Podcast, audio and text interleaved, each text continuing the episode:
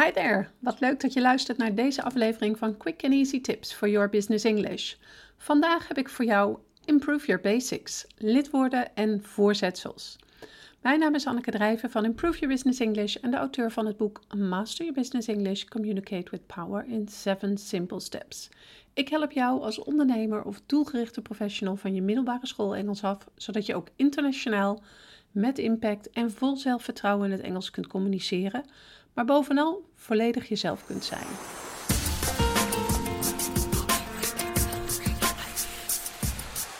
In de reeks Improve Your Basics ga ik aan de slag met verschillende onderdelen die samen de basiskennis vormen voor goed en professioneel zakelijk Engels taalgebruik. Deze podcastreeks is daarmee net dat geheugensteuntje of de herhaling die iedere professional verder zal helpen met zelfverzekerd Engels spreken. Want zodra je niet meer hoeft te twijfelen over sommige grammatica-regels of het juiste woord, kun je je focus leggen op jezelf zijn terwijl je bezig bent met zakelijk Engels. Vandaag ga ik het hebben over lidwoorden en voorzetsels, die in het Engels articles en prepositions genoemd worden. Het gebruik van Engelse lidwoorden en voorzetsels is in principe goed te doen, maar komen er een aantal regeltjes bij kijken die voor elke business professional van belang zijn. Daarom loop ik die vandaag nog eens duidelijk met je door, zodat je all about lidwoorden en voorzetsels weer duidelijk op een rij hebt. Als eerste ga ik het over de Engelse lidwoorden hebben. De, het en een zijn de Nederlandse en je bent er waarschijnlijk wel van op de hoogte dat e, en en the de Engelse lidwoorden zijn. Easy peasy toch? Nou, dit is meteen de valkuil. Het gebruik van Engelse lidwoorden lijkt makkelijk, waardoor veel mensen vergeten om er aandacht aan te besteden. Dit zorgt ervoor dat er toch fouten gemaakt worden die voorkomen zouden kunnen worden. En dat is zonde, want lidwoorden geven meer informatie weg dan je in eerste instantie denkt. Zo geven ze bijvoorbeeld een onderscheid tussen nieuwe en oude informatie en algemene en specifieke informatie aan. Des te belangrijker om goed op de hoogte te zijn van het juiste gebruik. Daarom volgt nu een duidelijke uitleg van de taalregels van de verschillende lidwoorden. En, en. Welke van de twee je gebruikt hangt af van het woord dat erna komt. Begint het woord erna met een medeklinkerklank, zoals book of university, dan gebruik je e, letter a. Hierbij is het belangrijk om je te realiseren dat het echt gaat om de klank van de beginletter van het woord erna. Zoals bijvoorbeeld bij university, een woord dat begint met een klinker. Je gebruikt e omdat het klinkt als een medeklinker. De j, die hoor je. Begint het woord erna met een klinkerklank, zoals orange of apple, dan gebruik je n, an. Het gaat hier ook weer om de klank. Een woord als hour, dat je schrijft met de medeklinker h aan het begin, krijgt e als lidwoord. Vervolgens gebruik je e en n in deze drie situaties. 1.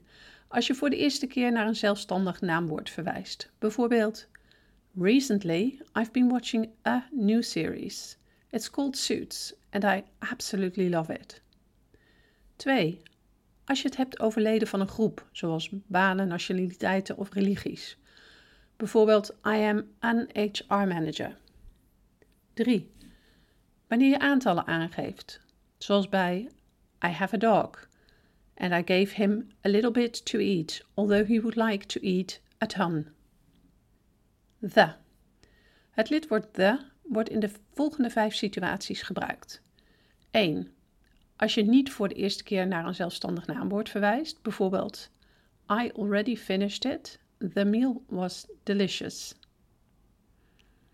2. Als je het hebt over unieke dingen waar er maar één van is, zoals the sun. 3.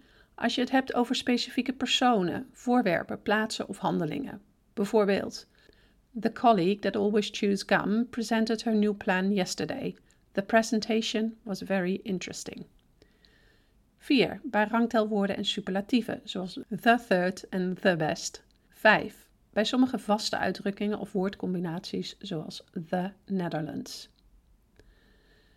Ben je benieuwd naar een nog gedetailleerdere uitleg over lidwoorden? Luister dan ook de podcast alles over Engelse lidwoorden eens. De link naar deze podcast staat op de website in het artikel van deze podcast. Hier leg ik je bijvoorbeeld ook uit in welke situaties je geen lidwoord gebruikt.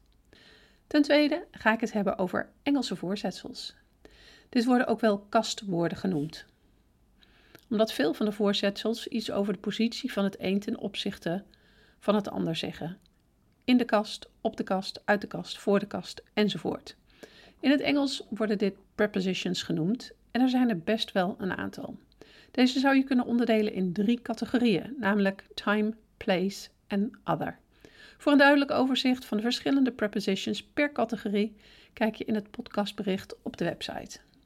De vaakst voorkomende voorzetsels zijn at, on en in. Deze drie voorzetsels horen zowel bij de categorie time als bij de categorie place. Categorie van time.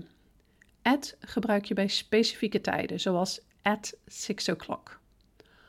On gebruik je bij dagen en data, zoals on Mondays of on the 1st of April. In gebruik je gedurende periodes, zoals in the morning, in September, in 2022. Categorie van place. At gebruik je bij huisnummers en gebouwen, zoals at number 51, at the office. On gebruik je bij wegen en oppervlaktes, zoals on the highway, on the ground. In gebruik je bij steden, provincies, landen, continenten en ruimte, zoals in the Netherlands, in a closet, in my head. Ben je benieuwd naar een nog gedetailleerdere uitleg over de voorzetsels at, in en on?